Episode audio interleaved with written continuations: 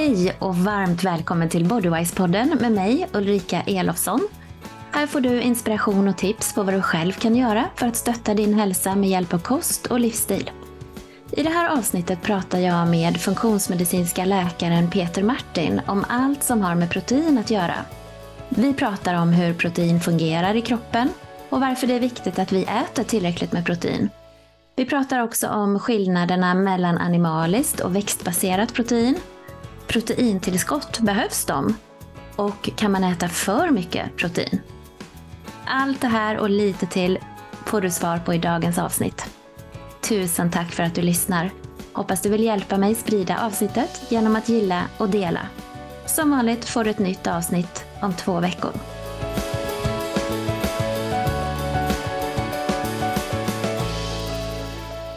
Hej och varmt välkommen till Bodywise-podden Peter.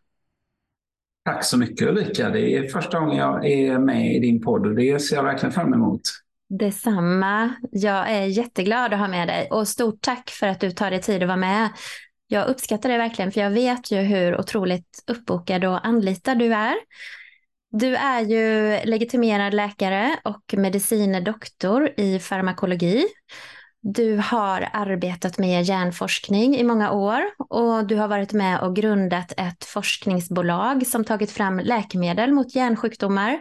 Där satt du också i företagsledningen och var kvalitetsansvarig för dokumentation till både Läkemedelsverket och samarbetspartners utomlands, bland annat i USA och Japan. Mm. Ett fantastiskt CV. Ja, men det var ju spännande. Jag håller på med läkemedelsforskning i så länge och med Arvid Carlsson då som fick Nobelpriset under den tiden också. Så det var ju superrolig erfarenhet. Eh, ja. ja, fantastiskt. Och du är ju även grundare till FunMed som jobbar med precisionshälsa på funktionsmedicinsk grund. Och du ska ju få berätta lite mer om vad det är framöver här. Eh, men Idag ska ju du och jag prata om ett väldigt spännande och aktuellt ämne tycker jag, nämligen ett av våra viktigaste näringsämnen, protein. Eh, men innan vi kommer in på det här så tänkte jag be dig om du hade lust att berätta lite kort om dig själv och hur det kom sig att du började jobba med funktionsmedicin. Just det.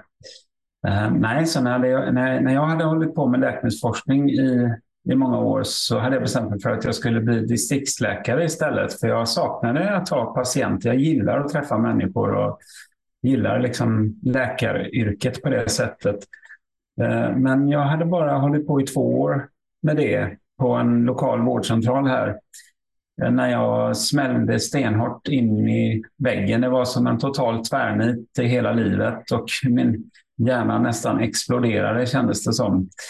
Eh, så jag körde bil och hade en psykotisk upplevelse. Det kändes som att armarna inte satt ihop med kroppen riktigt. Och, och ja, jag fick åka hem och sen var jag faktiskt sjukskriven i, i två år för utmattningssyndrom.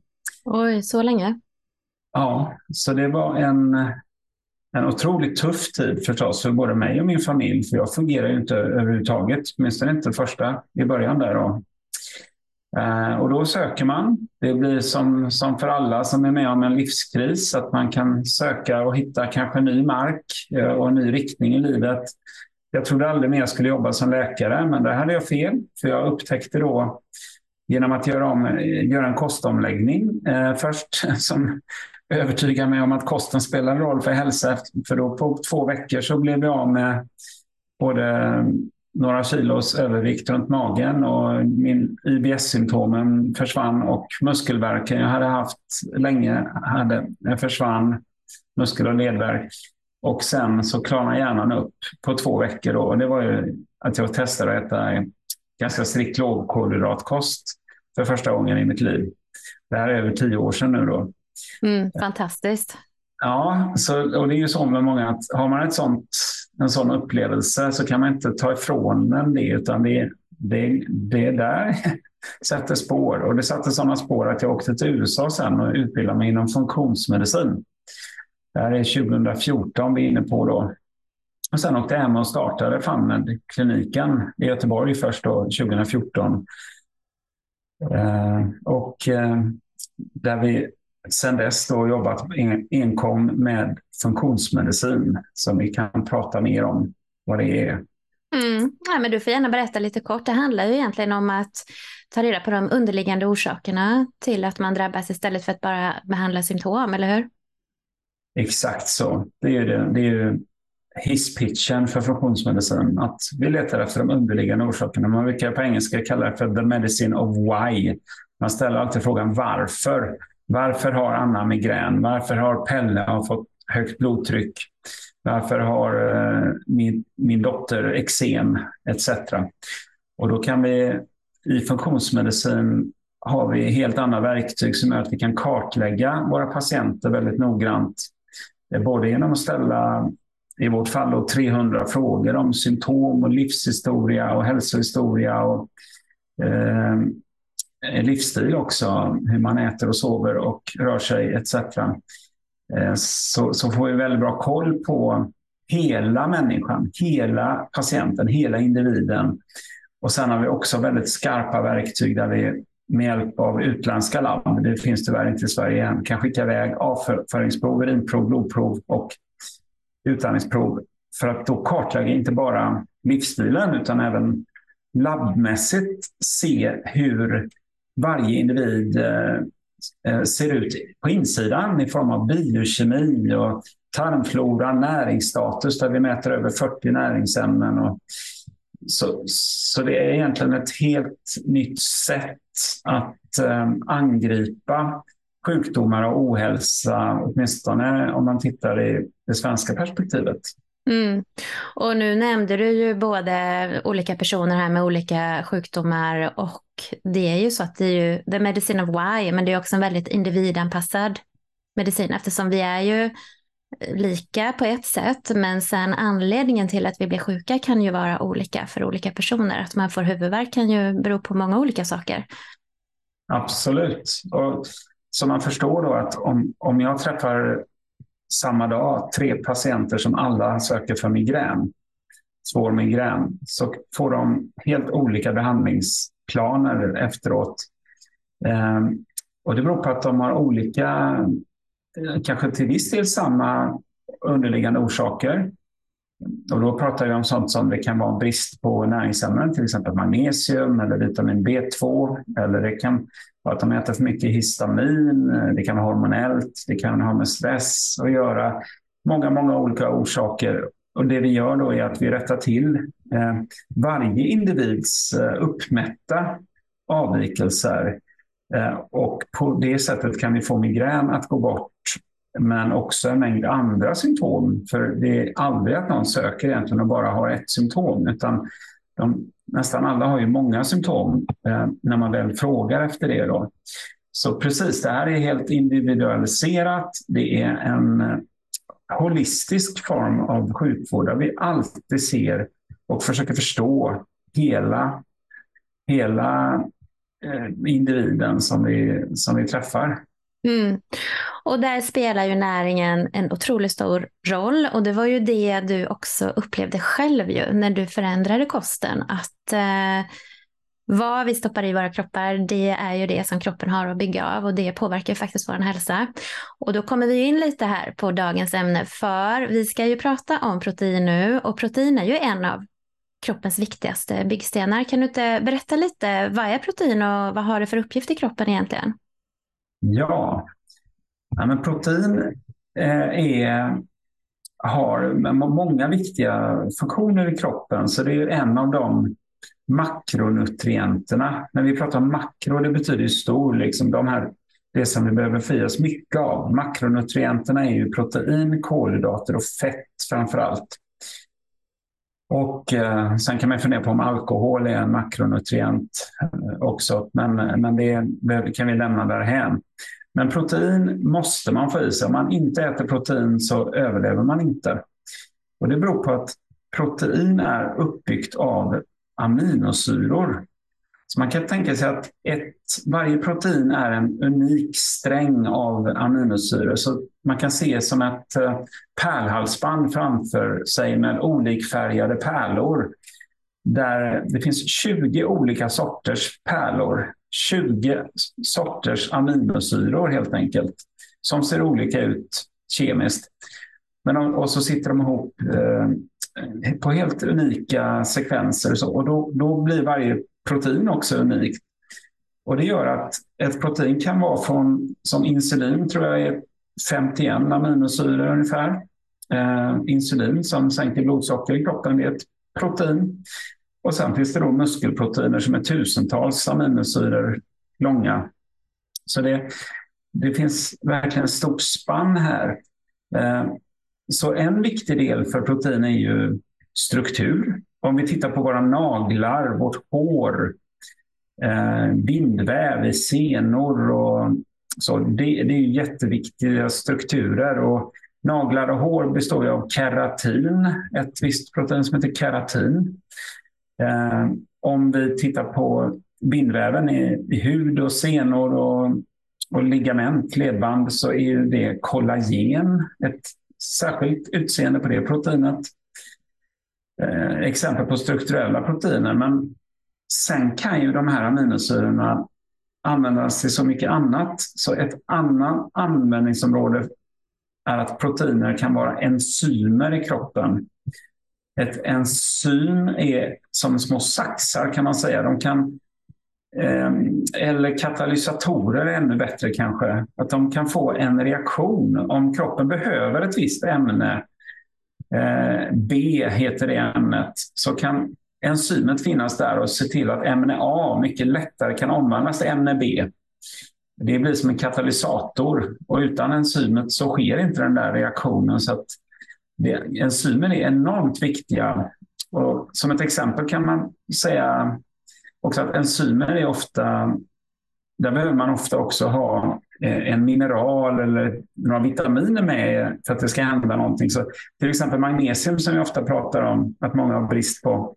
Det sitter i mitten på de här proteinerna på 300 enzymer minst. Det är antagligen ännu flera. Där sitter magnesium med gör att, det blir, att enzymet funkar som en katalysator. Då. Så det är ytterligare, förutom strukturen, då, så har man enzymer som, som det finns ett antal tusen sådana olika i kroppens eh, virvar av eh, reaktioner. Så protein ja. är egentligen involverat i allt i hela kroppen kan man säga? Ja, det är det. Vi kan ta några mer exempel. Till exempel immunförsvaret som är så viktigt. Vi pratar om antikroppar. Det är ganska stora proteiner som sen kan binda till andra proteiner på bakterier och virus och sånt och oskadliggöra dem. Så det är en form av protein. Eh, vi har eh, förrådsprotein som till exempel ferritin som lagrar järn i kroppen. Det är ett protein. Det finns där för att lagra järn. Vi har um,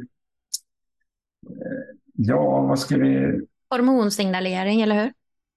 Ja, precis. Ja, men vi nämnde insulin, eh, så olika signalproteiner. Och vi har, vi har också signalsubstanser. Till exempel serotonin byggs upp av en aminosyra.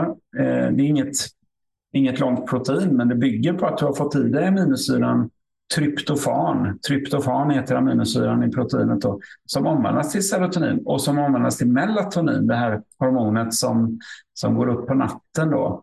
Så det är väldigt, väldigt mycket av kroppens processer som är beroende av att vi får i oss en tillräcklig mängd med protein, men inte bara att vi får i oss det, utan att vi kan bryta ner det, ta upp det och att det kan hitta till cellerna ute i kroppen. Då. Just det. Och då kommer vi tillbaka till magetarm där man nästan alltid hamnar. Det handlar liksom om att kunna bryta ner saker och ting. Dels att man tillför saker och ting, men att man också kan bryta ner det och att man har ett bra näringsupptag i tarmen. Men eh, protein, nu har ju du berättat hur otroligt viktigt det är och jag har förstått att det kommer från det grekiska ordet för första plats. Så då kan vi kanske ännu mer förstå hur otroligt viktig och stor roll protein har i kroppen egentligen. Och eh, jag tror att många som hör ordet protein tänker på kanske i kroppsbyggarsammanhang och sådär. Men eh, att man då ska äta protein för att bygga muskler och sådana här saker. Men protein är ju viktigt för alla och att vi får i oss tillräckligt med protein. Men var får vi i oss protein då? Mm.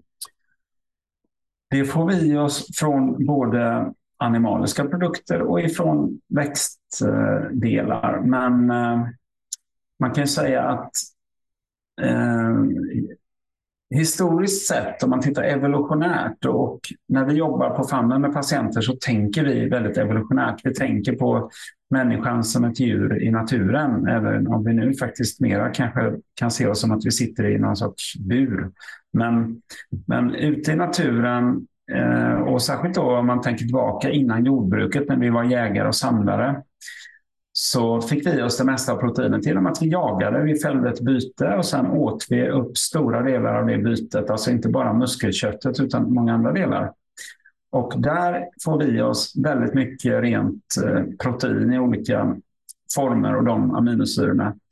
Och sen är det klart att och sen kunde vi förstås samla och vi kunde hitta ägg som är proteinrikt. Det gjorde vi kanske ibland, någon gång ibland. Vi kunde gräva upp rotknölar och ibland när det var säsong kunde vi nötter och, och, frukt och sånt. Men det är inte så mycket, så mycket protein. I, frukt är inte mycket protein. Ehm, eh, men sen har vi fått jordbruket för 10 000 år sedan. Och då har vi kunnat odla vete som innehåller en hel del protein, bland annat framförallt gluten. Då. Och vi kan odla bönor, eh, linser, så som är ganska proteinrikt. Ehm, så där kan man också få i sig protein. Så det, nu vet vi det, det går ju att leva som vegan och vegetarian och få i sig tillräckligt med protein. Men vi ska direkt säga det att det är betydligt svårare att som vegetarian eller vegan få i sig tillräckligt med protein, för då måste man verkligen tänka till. Eh, och det beror på flera olika saker. Mm. Och du var ju lite inne på det här med de essentiella aminosyrorna pratade du om i början. Ja? Och, eller du pratade om alla de här 20 olika aminosyrorna och sen finns det ju vissa av dem som vi behöver tillföra via kosten. Och där ser det ju inte riktigt likadant ut mellan vegetabiliskt protein och animaliskt protein, eller hur? Nej, man, man pratar om att eh, animaliskt protein är fullvärdigt protein. Så äter man eh, kött från ja, vilket som helst djur egentligen. Eh, nötkött, lammkött, fläskkött eller ägg eller, eller mejeriprotein för den delen så är det fullvärdigt protein. De innehåller alla aminosyror som är gjorda för eh, människans kropp. Eller man kan nästan se det som ett operativsystem. Liksom att vi är ett djur och äter vi andra djur eftersom vi är jägare evolutionärt så får vi oss det som, som vår kropp behöver. Det, det passar liksom. Men om du ska göra det från växter, då är det ett annat operativsystem. Det är liksom inte samma, vi är ju inte växter och växterna gör ju inte protein för att det ska passa människor. Så att där behöver man tänka till. Så till exempel så är det så att soja som är ett bra protein på många, många sätt utifrån eh, vilka aminosyror de innehåller. Det, det är lågt i en aminosyra som heter metionin som är essentiell. Det finns 8-9, eh, man brukar ofta säga 9 essentiella aminosyror av de här 20. Det, det är sådana man måste få i sig. De andra 11 kan vi bilda själva in i kroppen. Men de här nio måste vi få i oss via kosten för vår kropp kan inte bilda dem. Och metionin är en sån då. Så skulle man bara äta sojaprotein så riskerar man att få för lågt av aminosyran metionin som är väldigt viktig för många processer i kroppen. Äter man bara eh, protein från vete till exempel eller andra Eh, spannmål, då riskerar du att få brist på lysin, en annan aminosyra som är vanlig att vegetarianer och veganer har brist på för att det krävs, krävs rätt mycket eh, kunskap och, så för att man inte ska drabbas av, av att få brist på det. Så man måste veta var man hittar det någonstans. Eh, och, och, det är ju därför som kulturer som äter, äter en del vegetarisk kost, om vi tänker på mexikanska kulturen, så har du ju majs tortillas kanske som äts tillsammans med bönor och kanske ibland ris också. Eh, så man, man blandar olika växt, växtsorter som har olika svagheter i sina protein. Och likadant i östern kanske man äter ris och eh, soja och man, man blandar olika. Och det är jätteviktigt. Och, och, det där är ju ett problem i den moderna världen där den vegetariska trenden finns det ju många, inte minst yngre människor som tror att bara man köper det som är vegetariskt i en affär så, så, så, så är man hemma så att säga. Men här krävs det ju, ska man leva en vegetarisk livsstil eller en än mer vegansk, då krävs det jättemycket kunskap och att man vet vad man sysslar med. Så, Just det. Som, Alltså ja. kombinera de här olika vegetabiliska proteinkällorna då för att få i sig fullvärdigt protein helt enkelt. Ja, för att vi behöver, egentligen är det inte så här att hur många gram protein behöver man äta eh, för att må bra. Det är inte det det handlar om egentligen. Det är ett visst antal, en, en viss mängd, ett visst antal gram av varje aminosyra egentligen som är det som är det som sätter om vi håller oss friska eller inte. Så det är liksom lite mer komplicerat än så. Och det finns en annan sak man behöver ta hänsyn till också och som där det är väldigt mycket missvisande på dagens ja, innehållsförteckningar till exempel. Om du äter en, till exempel en vegetarisk burgare eller så, så är det så att, och överhuvudtaget faktiskt i växter, bönor etc. linser, så är det inte så att vi tar upp 100 procent av det proteinet. Vi kan inte bryta ner det och ta upp det, utan vi kanske tar upp 80 procent av det eller 85 procent av det jämfört med vad vi kan göra om vi äter en, eh, en köttfärsbiff eller en fläskkotlett eller ett ägg. Så det där är också jättelurigt att det man läser på innehållsförteckningen det, är, det kan man inte räkna, tillgodoräkna sig 100 procent av. Mm. Och där är man inte riktigt transparent och ärlig tycker jag idag. Så, och det är också en risk då för inte minst människor som inte är så pålästa. Mm, precis. Så om man väljer att äta bara vegetabiliskt protein, då behöver man kanske inte bara gå på de här rekommendationerna, utan man behöver öka upp dem med 20 procent till exempel. Då. Det tycker jag låter som ett bra råd. Att både vara medveten om att, om man, om man liksom variera proteinet eh, mellan olika växter och på ett, på ett eh, genomtänkt sätt, men också öka upp mängden, ja. Mm. Okej, okay, så fullvärdiga aminosyror får vi i oss via animaliskt protein och då är det ju kött, fisk, fågel, ägg, mejeriprodukter och så vidare. Men vegetabiliskt protein, då behöver vi vara lite mer om oss och kring oss och kombinera olika källor och dessutom äta mer också då. Men eh, finns det rekommendationer, eller det vet jag ju, det finns ju rekommendationer kring hur mycket protein som vi bör äta. Livsmedelsverket har ju sina rekommendationer till exempel. Men eh, hur tänker du kring de här rekommendationerna? Är det tillräckligt eller eh, har vi sett att vi behöver kanske till och med öka upp vårt proteinintag lite grann? Mm. Den siffran som eh, har förekommit från Livsmedelsverket under lång tid är 0,8 gram per kilo kroppsvikt Uh, nu har inte jag sett om det har skett någon förändring i de nya nordiska näringsrekommendationerna som, som kommer nu då, för de gamla är ju över tio år gamla. Uh, men förut så pratade man om att alltså 10-20 procent av kalorierna skulle komma från protein. Uh, och det motsvarar minst kanske 50 70 gram protein. Då. Men, men det är det som forskningen har sagt under de gångna tio åren och som blir allt tydligare är att 0,8 gram per kilo kroppsvikt och, och det, det här är ju när man lyssnar på riktiga proteinforskare som till exempel professor Donald Lehman i USA, Donald Lehman. Eh, de eh, hävdar ju att 0,8 gram per kilo kroppsvikt är liksom minimum för att inte få rena bristsjukdomar. Det har ingenting med optimal hälsa att göra. Utan då pratar vi om minst kanske 1,2 gram per kilo kroppsvikt och väldigt många personer mår bet ännu bättre av att äta ännu mer. Eh, då kan vi lyfta fram några grupper, till exempel eh, till exempel äldre människor. Eh, där har jag sett att till och med Livsmedelsverket har gett högre råd. Har du koll på, på det? Vad det vad jag... det har jag inte, men det makes ju sense. För jag menar, vi tappar ju muskelmassa för varje år. Framförallt så eskalerar det ju för kvinnor efter menopaus. Då. Men eh, eh, för att förhindra muskelnedbrytning så behöver vi ju också ha högre intag av proteiner. vi blir äldre. ju. Mm.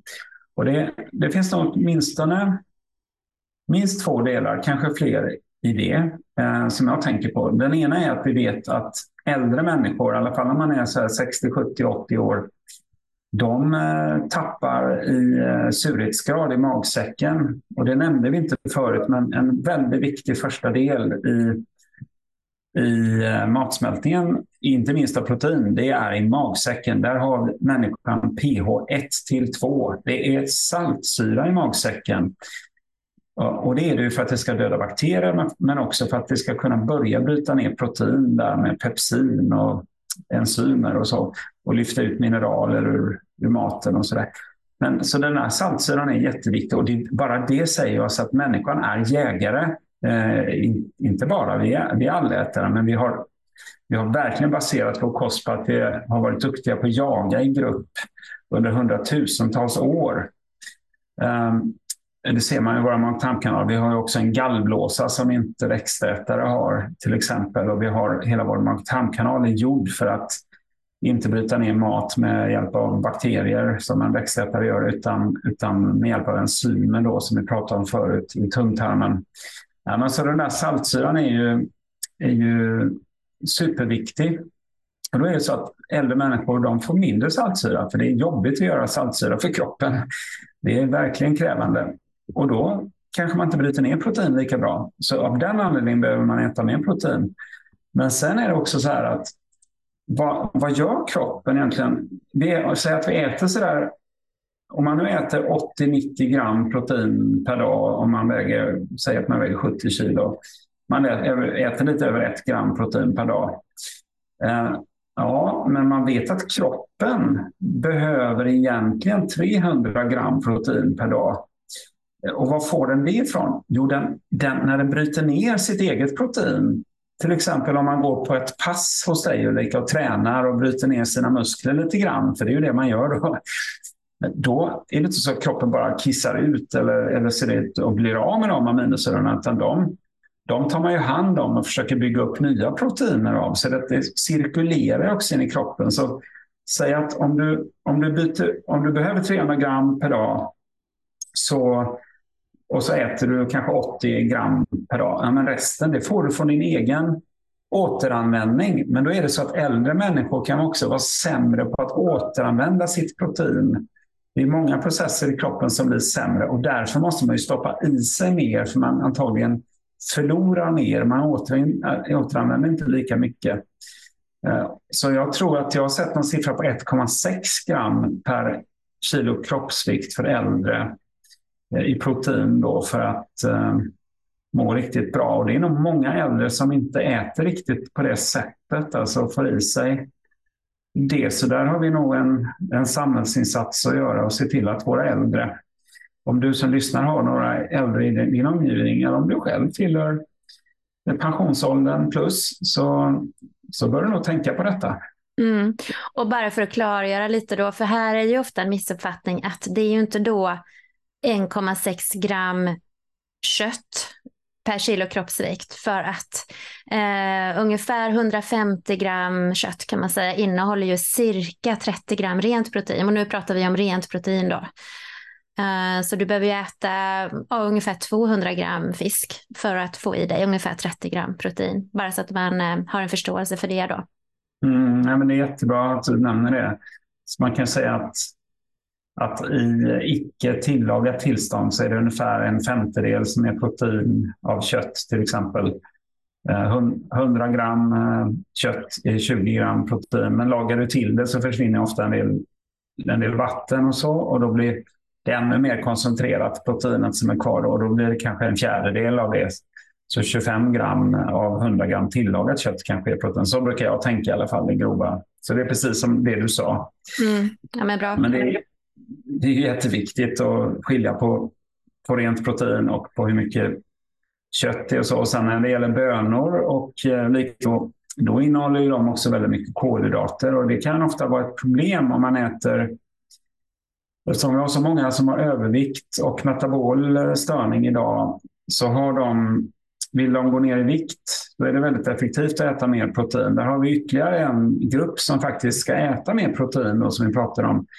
Men det blir svårt att göra genom att äta mera bönor för då får du alltid lika mycket kolhydrater som, som du får i dig protein. Och då stimulerar du insulinfrisättningen. När du får högt blodsocker när du äter bönorna så ökar insulinet från bukspottkörteln för att trycka ner sockret, för att knacka på alla, alla dörrarna ute hos cellerna och säga ta hand om sockret, det är giftigt i blodet, ta hand om sockret. Och då, då är det svårt alltså att gå ner i vikt på bara äta, eh, om man äter bönor då för att få upp proteinhalten. Det var ett exempel. Mm. Så om man vill gå ner i vikt och tappa i fettmassa, då rekommenderar du att kanske öka upp proteinintaget lite grann, men att göra det i första hand från animaliskt protein så att man inte får i sig så mycket kolhydrater med proteinet då? Ja, mm. det är ju evolutionärt eh, riktigt om du frågar mig. Och sen så är det, precis som du säger, du får inte i dig några kolhydrater alls. Eh, sen säger vi inte att ingen ska äta några kolhydrater, men, men man, man kan alltså sen dosera kolhydraterna som man vill. Då. Men har man då, eh, säg att du har 20 övervikt och så vill du bli av med det. Ja, grundläggande om du tänker fysiologiskt, funktionsmedicinskt, är att håll nere insulinet. För insulinet gör att du inte kan bränna fett på flera timmar. Så ta, dricker man ett glas eh, apelsinjuice till frukost och en macka med eh, messmör och dessutom lite söt fil med någon söt müsli på. Ja, då får du en jättetopp av både insulin och blodsocker och då kan du inte förbränna ditt eget fett på hela den tiden. Men om du istället då skulle äta till exempel som många patienter på FAMNAD gör när de har läst på själva och sådär äta en kycklingfilé till frukost eller en, eller en köttfärsbiff eller vad det nu är. Ja, men då är det ju inte några kolhydrater där.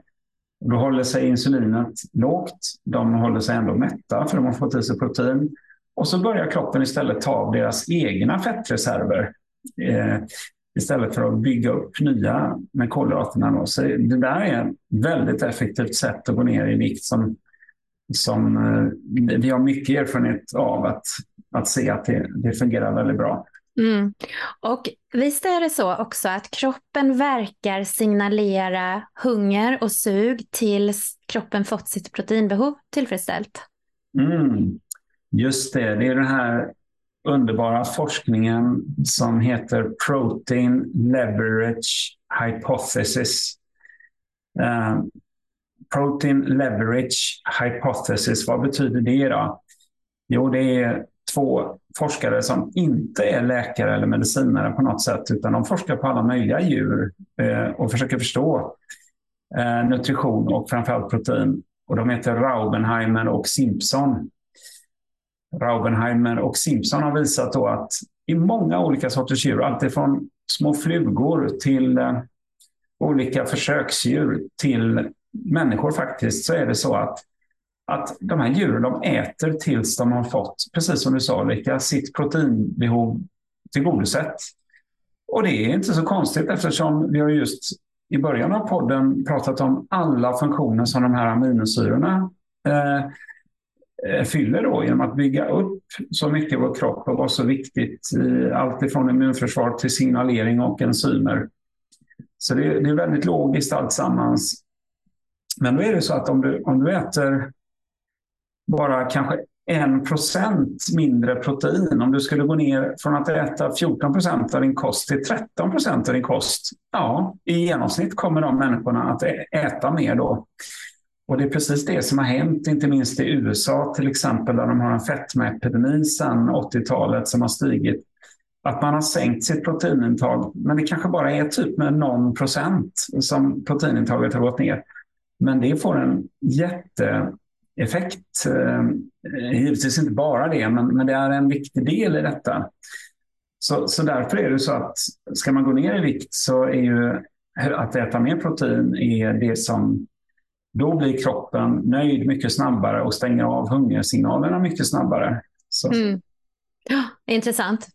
Men du, ibland hör vi att det skulle finnas risker. Nu har du pratat om lite högre intag av protein här. Vi hör ju ibland att det skulle finnas risker med högt intag av protein, till exempel att det skulle belasta njurar eller så. Hur eh, tänker du där? Mm. Det har man ju sagt. Eh, förut har man varit väldigt rädd för att det skulle ge njurskador. Nu kan jag väl sammanfatta det som jag har eh, hört och jag försöker verkligen följa detta Eh, eh och det inte minst nu eftersom hela, det är inte vi som pratar om att man ska äta mer protein. Det är ju liksom hela den här världen eh, som håller på med funktionsmedicin eh, och följer forskningen inom detta. Så inser man eh, vad som passar Homo sapiens bäst, eh, att vi ska äta mer protein. Och då har det blivit rätt tydligt att det är inte så att du får njurskador av att äta, alltså inte ens om du äter rejält mycket protein för de allra, allra flesta. Däremot om du har väldigt skadade njurar, då ska du inte bara öka ditt proteinintag hur mycket som helst, för det kanske de inte mäktar med då. Så, så där har vi väl sammanfattningen kring det, att man inte behöver vara så orolig för det. Och det vi, vi, det ska man förstå också när vi jobbar med detta, och, och det finns ju de som äter liksom 2 gram protein per kilo kroppsvikt och till och med 3 gram protein per kilo kroppsvikt bland de som vi jobbar med. Det är ju inte bara vi som bestämmer hos oss, liksom. det är patienten alltid som bestämmer vad de gör. Men vi jobbar tillsammans med dem och eh, guidar och vi är noga med att se att det inte är farligt. Så vi, vi mäter ju i blodprover och ser hur det, hur det går för dem med både njurfunktion och något som heter urea, urea i, i, i blodprov kan man se eh, om man äter mycket protein så stiger det och sådär. Men, men vi ser inte att det är ett, ett hälsoproblem ens för de som äter mycket protein. Då. Mm. Men, men, jag vill ändå, då kan man lyfta en annan del i det här med att äta mycket protein. För jag tycker Eh, det är också en balans vilken typ av protein man äter och även om man äter animaliskt protein, då, det fullvärdiga. För att eh, och där håller vi nog på och utvecklar även på Funnel i våra tänkande, tycker jag. Eh, det här är i alla fall så som jag ser på det. Att det blir allt tydligare att vi borde äta mer som man gjorde förr Eh, när vi faktiskt var ute i naturen och jagade och åt upp hela djuret. Ehm, man kan tänka lite på ett svenskt julbord också. Och det, det, eh, det svenska julbordet det speglar egentligen inte bara ja, att det är något hittepå, att nu ska vi ha trevligt och äta gott på jul. Nej, men det har att göra med att då slaktar man ju en gris för att, för att ha den till julbordet. Och då tog man ju tillvara på hela grisen. Det är därför vi har något som heter fläskkorv. För att det var gristarmar som man kunde fylla med fläskfärs. Man använde tarmarna. Det är därför vi har ett grishuvud på julbordet som man åt upp. Och därför vi har grisfötter som en tradition, vilket väldigt få svenskar äter nu, men där många i, i min, eh, min mormors och farmors generation åt det, minns jag och andra. Jag är uppväxt med det kan jag säga. Ja, och tunga. Det var de två grejerna som man inte gillade. Men lever gillar jag, blodpudding gillar jag. Liksom, mina föräldrar var ju gamla så att eh, det var det här liksom. Vi hade egna djur och man slaktade och så. Men just grisfötter och tunga, nej, där gick min gräns. ja, men förr i tiden var man nog inte så, så, så där sparsmakat. Då åt man ju det förstås med fröjd. Och det är så människor har levt i, all, i urminnes tider. Vi är ju bara bortklemade med lite mer sötare smaker och, och så. Utan, och där får man i sig då grisfötter. Det, och det, och det är syltat till exempel. Och det är ju gelé nästan som gelatin. Och då är det så här att nu för tiden äter vi mest muskelkött. Vi äter den, om det är en biff så är det gärna helst utan sega delar och senor och eh, brosk och sånt. Eh, så det är det vi äter mest. Då. Det är klart, äter man köttfärs så finns det ju faktiskt 3-4 procent kollagen där i ofta det finns det lite som bindväv också och det är bara bra. Det är jättebra. För det är det jag vill komma, komma till, att det här gäller att äta en balans mellan muskelkött och kollagen. Och kollagen var ju det vi sa fanns i senor, ligament, eh, huden består av mycket kollagen. och i ben också. Våra ben är ju en stor del kollagen, um, men också då kalcium som är inlagrat i det där kollagenet. Och därför så kan man ju, så behöver vi egentligen, om vi ska äta mer protein så ska vi inte bara äta mer muskelkött för då, det mår vi antagligen inte bra av. Jag tror att många som gör det, de tänker jag mår bättre och så, men över tid så tror jag att vi faktiskt riskerar att få andra obalanser i kroppen då. Så att här gäller det att sikta in sig även på kollagenet och, och helst att vi då kokar benbuljong eller som idag till lunch så har jag en tryckkokare, så jag tryckkokar något som heter nötlägg. Det är ju liksom ben ifrån kossor egentligen. Då. Själva tvärsnitt av ett ben. Liksom. Och det, det, är mycket sega bitar i där. Och, um, då får man i sig kollagenet. Eh, annars, om man inte kan koka benbuljong och äta segare bitar i grytor. Och, um, och detta är du expert på Ulrika, att guida folk i detta. Men då får man ju faktiskt ta kollagenpulver. Då gör ju många som är en processad matvara. Vi vill ju helst inte ta det, men, men det, är, det kan vara svårt att lösa på annat sätt eh, idag. Då. Och då kan vi bara säga det också att kollagen, en viktig del i kollagen är ju aminosyran glycin. Och det är den minsta aminosyran. Men forskningen, senaste forskningen visar också på att det verkar som att det är väldigt många som har brist på glycin. Och det ser vi i våra patienter i labbproven när vi tittar i urinprov att väldigt många har brist på aminosyran glycin Eh, som har många viktiga funktioner i kroppen. Då. Mm. Precis, inte minst för tarmhälsa och avgiftning och sömnen och allting. Mm. Ja, men jättebra att du belyser det där med det är skillnad på protein. Vi kan inte bara äta kycklingfilé och oxfilé liksom, utan vi behöver tänka på att få i oss hela djuret och det är klart att vi är ju ovana vid den typen av mat idag. Uh, och jag måste själv säga, jag är uppväxt med den typen av mat. Jag kommer ihåg tryckkokaren och liksom pappa, han levde ju till han var över hundra år och han skulle ju ha märgben in i det sista och koka liksom sina soppor och sånt. Va? Men jag själv tycker det är svårt att veta hur man ska tillaga den typen av mat. Så mm. det är mycket kunskap som har gått förlorad också. Men mm. eh, vi, behöver, eh, vi behöver vara lite om oss och kring oss när det gäller maten. Men du, eh, nu kommer du in på det här med kollagen och att man kan behöva ta tillskott och så. Sen är det många då som tar tillskott av protein också, framförallt kanske de som gymmar och så. Hur tänker du där? Det, det vanligaste Proteinpulvret är ju vassle, vassleprotein eller på engelska whey protein, W-H-E-Y, whey. Vassleprotein. Och förr i tiden så kastade man bara bort det. När man till exempel gjorde ost så, så är det ju eh, kasinet som man använder då, eh, i mjölken som kanske är 80 procent av, av proteinet i mjölk. Det är kasin, det har man. Käse på tyska är ju ost. Va? Och vassle, det, det kan man i och för sig göra med smör och annat av, men, men det gjorde man inte så mycket av förr. Men nu har man kommit på att det är jättebra protein att ha som proteinpulver. Så det finns ju få saker som är, är lika fullvärdigt och lättupptagligt och stimulerar muskelsyntesen då, som vassle. Så vassle är ett väldigt högvärdigt protein. Det enda problemet är ju då om man inte tål mejeriprotein överhuvudtaget i mjölkprodukter och det ser vi att många patienter kan ha problem med det. De kanske inte känner till det, men när man har varit utan det en månad eller så, så kan man sen prova att sätta tillbaka det och se att man faktiskt fick tillbaka sitt eksem eller sin verk eller vad det var. Liksom. Så, så mejeriprotein är en bov för många. Så det är väldigt svårt att säga att bara att ta vassle, utan det beror på om man tål det så man ska nog prova lite med och utan om man håller på med det och gärna ta bort mejeriprodukter helt en månad och sen prova med. Så, så tänker jag kring, kring det. Mm. Ja, men det är bra input. Eh, men om man ändå vill ta proteinpulver av någon anledning då och inte tål vassle till exempel, finns det andra sorter man kan ta? Alltså, kan man ta rena aminosyror som EA eller BCA till exempel? Mm. Det kan man göra. Eh, och BCAA, det är ju ett av de här kosttillskotten som finns i gymbutiker och även på hälsokosten.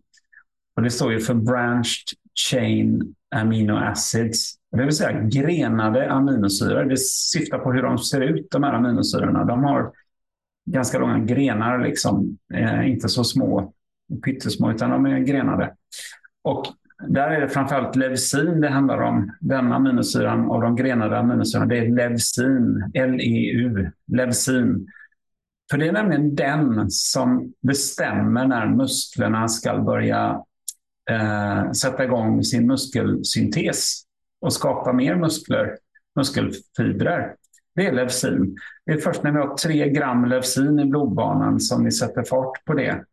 Och därför, eftersom Levsin utgör kanske 10 procent av, av en köttbits protein, så behöver vi med andra ord äta kanske minst 30 gram kött eller fisk eller ägg eller så, eh, protein från kött eller fisk.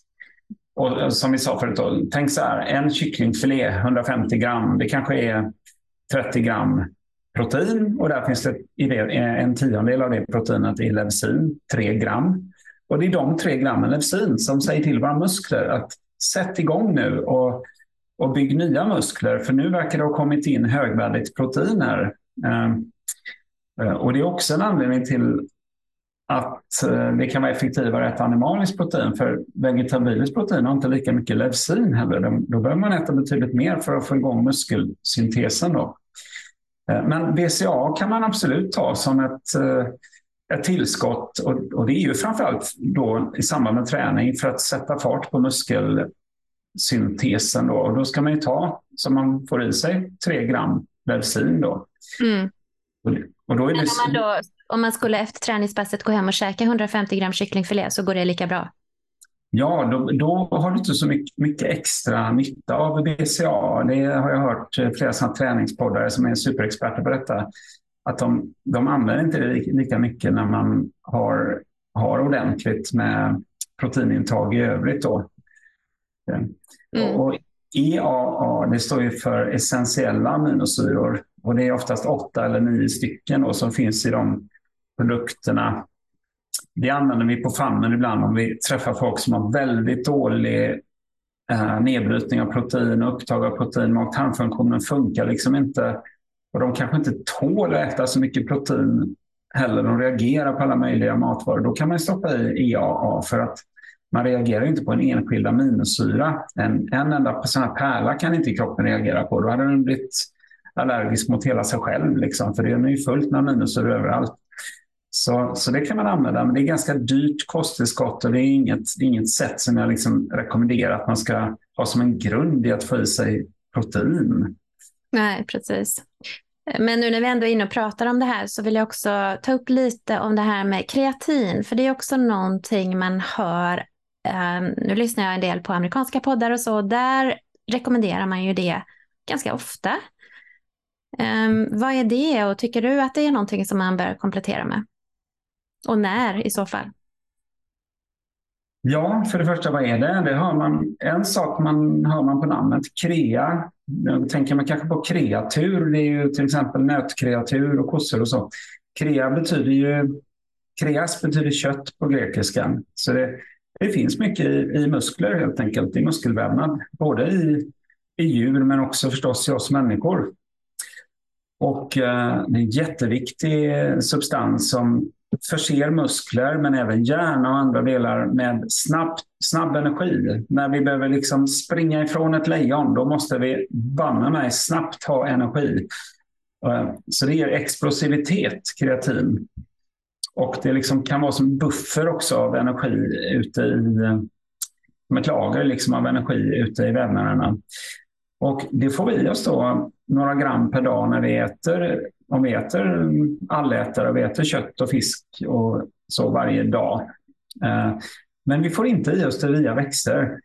Vi kan dock bilda eget kreatin också, men då måste vi dels få i oss aminosyrorna och där finns det, behövs till exempel lysin, om jag inte minns fel, som, som man ofta inte får i sig tillräckligt mycket av då som vegetarian så att, eller vegan. Och, så att det finns liksom både svåra att bilda lysin, eh, kreatin och inte få i sig det via vegetarisk kost. Så att det gäller att, det gäller att eh, eh, vara noga här och därför är det också så att man har ju sett att både i muskler och hjärnan så ökar ju kreatinnivån när, eh, när, när en vegetarian eller vegan tar kreatintillskott som är ett vitt pulver bara.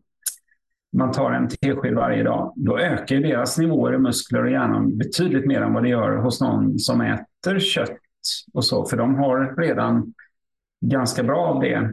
Sen har det ändå en viss effekt på, på er som lyssnar som äter kött och fisk och, och så. Ni har ganska bra nivåer av kreatin. Uh, men det som kan hända är ändå att man blir ännu lite mer explosiv. Om du, om du kan ta Eh, tio repetitioner i, i marklyft så kanske du klarar 11 eller 12 om du tar kreatin. Eh, och en annan sak som man har sett är att det har ju effekt även på hjärnan så att du faktiskt kan tänka lite smartare med, med mer kreatin. Det kan också, det finns indikationer på att det kan ha antidepressiv effekt med kreatin. Om man kombinerar det med antidepressiva läkemedel så kan man ha ökad effekt om man tar kreatin. Så ett väldigt intressant ämne och det är billigt och det finns inget kosttillskott inom träningsvärlden som man har studerat så mycket. Så det är också säkert. Mm. Och vad är det för doser då som det handlar om? För man pratar ju först om att kanske ligga på en lite högre dos och sen att man sänker det och går ner till någon slags underhållsdos då om man vill ta kreatin. Ja, kreatin är billigt, du kan köpa det, men ofta så står det väldigt bra på burken då. Då tar man ofta fyra teskedar, det vill säga 20 gram, eh, eller skopor som det är där i då. 20 gram per dag i några dagar eller fyra dagar eller en vecka. Eller det är lite olika. Som en laddningsdos för att få upp koncentrationen i vävnaderna. Och sen så tar man en tesked om dagen och så kan man göra det några månader. Men ofta så brukar jag ändå rekommendera folk att de ska bryta det efter ett tag och sen börja om på nytt igen. Liksom inte bara fortsätta hela livet med kreatintillskott kanske. Nej, som så mycket annat. När vi tar tillskott och vitaminer och sånt också så behöver vi kanske göra en paus ibland. Ja, men du, vi ska börja avsluta här ganska snart. Vi har ju pratat eh, väldigt mycket nu, eller jag tror att när man har lyssnat så har man förstått hur otroligt viktigt protein är för oss och att det är viktigt för många delar i kroppen. Och, eh, vi äter, det verkar som att vi äter tills vi får vårt eh, proteinbehov tillgodosett. Då. Eh, så det kan ju vara bra i, om man vill gå ner i vikt, precis som du nämnde då. Eh, och sen så har vi pratat om att kanske man behöver ligga lite åt det högre hållet i proteinintag mot de rekommendationerna som finns nu. Men sen så vill jag bara fråga dig lite snabbt här. Eh, man hör ju ibland att högt protein i de här sammanhangen när man pratar om longevity och livslängd och så, att det skulle kanske vara bra att minimera intaget av protein då för att öka longevity hur eh, ser du på det? Eh, ja, där pågår ju en diskussion och i början av den diskussionen var det ju så här att oj, protein stimulerar någonting som heter mTOR. mTOR. Eh, och det är en avkänningsmekanismen i cellerna som styr väldigt mycket i våra celler av hur, hur mycket de ska växa och föröka sig och hur de, hur de hanterar många olika delar i, i sitt inre maskineri.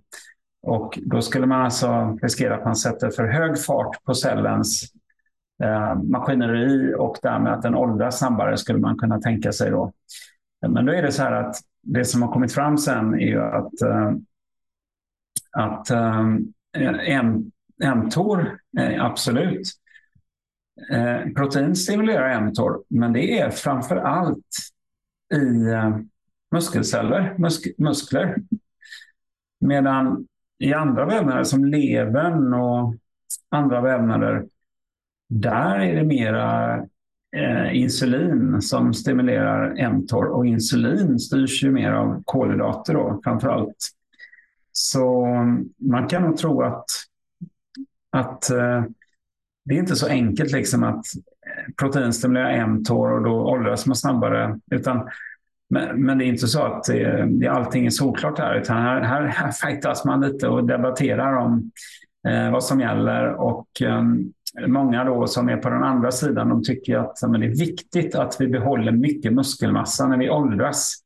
Vi ska skapa muskelmassa när vi är unga sen ska vi, och benmassa för den delen, som också är en del kollagen och Så, och sen så ska vi behålla den uppe i åldrarna, för det är så viktigt för att inte falla, ramla, bryta benet.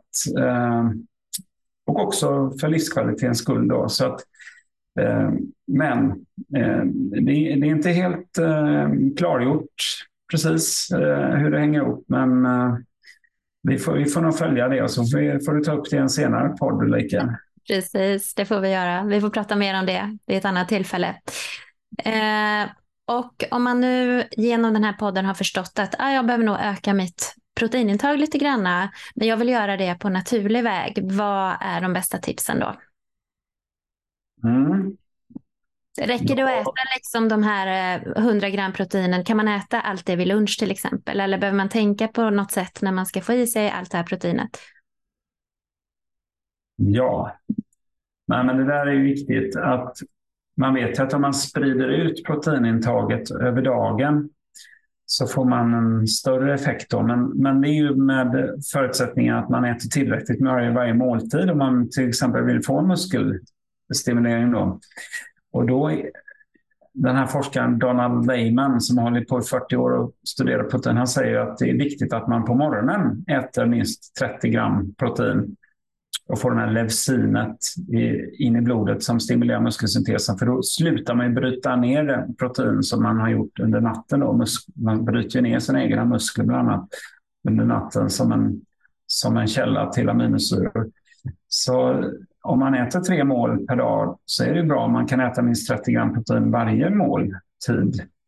Och kanske till och med ännu mera vissa måltider. Då.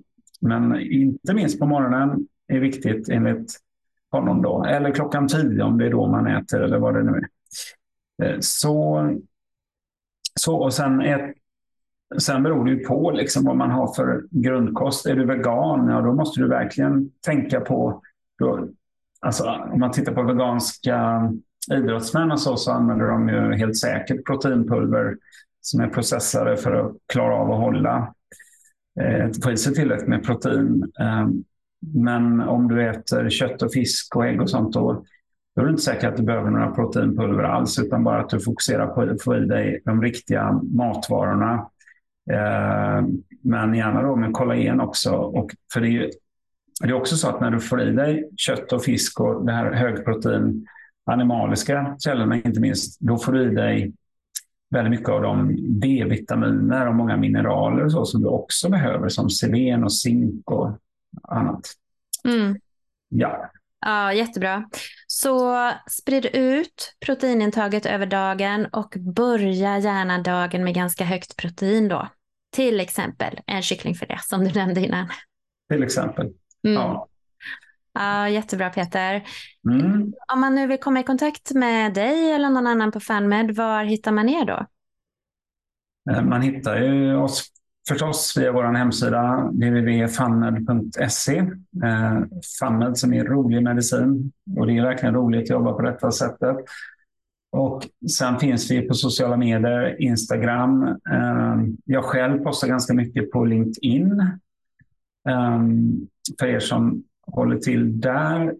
Ehm, vi har också ett nyhetsbrev som jag tycker du gärna får signa upp dig på. Det kommer varannan söndag, så det är inte så ofta det kommer, men vi har över 20 000 prenumeranter och där får man reda på nördtips och hänger med i vad som händer i, i hälsa och kost och näring och funktionsmedicin. Så det är ofta spännande nyheter där. Så jag hoppas att vi, vi träffas och ses någon gång här framöver, du som lyssnar och, och jag. Mm. Ja, vad bra Peter. Och tusen, tusen tack för att du ville vara med och sprida kunskapen om protein. Och det känns som vi hade kunnat prata mycket mer. Alltså det finns ju jättemycket att säga. Men jag hoppas nu att eh, många har förstått hur viktigt proteinet är och kanske att man har fått lite mer kunskap då eh, ja, kring att våga testa att kanske öka upp proteinintaget ett tag och se eh, vad det skulle kunna göra för hälsan då. Mm, precis så, man måste experimentera och hitta sin egen väg. Men man ska inte bara lyssna på att så här är det du ska Man måste ju prova själv också. Sätta upp mål och se att man uppnår sina mål. Och sen är det ju faktiskt viktigt att man också mäter in på insidan eh, labbtester och ser att man, att man är okej okay, eh, med metabol hälsa till exempel. Och, eh, alltså man, om att man inte har näringsbrister och så. Det är, det är ju förstås en stor brist att väldigt många inte vet det idag. Mm. Men börja och experimentera och se hur du mår. Det är en bra början. Precis. Och sen det här test, don't guess, som man säger inom funktionsmedicinen. Test, don't guess. Det, det är en bra avslutning tycker jag. Ja. Mm. Okej, okay. tusen tack Peter. Tack Ulrika. Vi hörs och ses. Det gör vi. Hej då. Hej då. Du har lyssnat på Bodywise-podden med mig Ulrika Elofsson. Dagens gäst var funktionsmedicinska läkaren Peter Martin och vi pratade om allt som har med protein att göra. Hoppas du uppskattade avsnittet. Tusen tack för att du lyssnar på Bodywise-podden. Vill du höra fler intervjuer som denna? Kom ihåg att prenumerera på Bodywise-podden i Spotify eller Podcaster eller via min hemsida bodywise.se. Där kan du också läsa mer om mig och mina tjänster. Ha en fin dag så hörs vi snart igen.